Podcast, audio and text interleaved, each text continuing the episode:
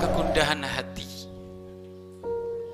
Merasa iba, merasa tidak enak tatkala dirinya semakin jauh dari Allah Subhanahu wa taala.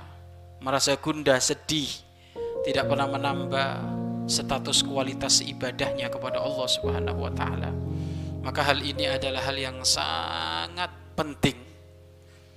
Bagaimana seseorang itu akan ada penyesalan, akan ada tobat kalau nggak berangkat dari kegundahan.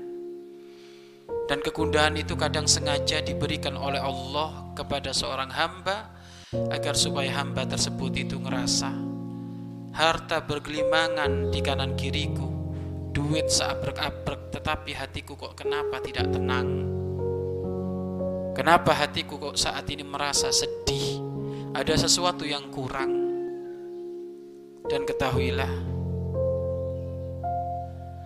al-ithmu ma haka fin nafsi wa fi sadri.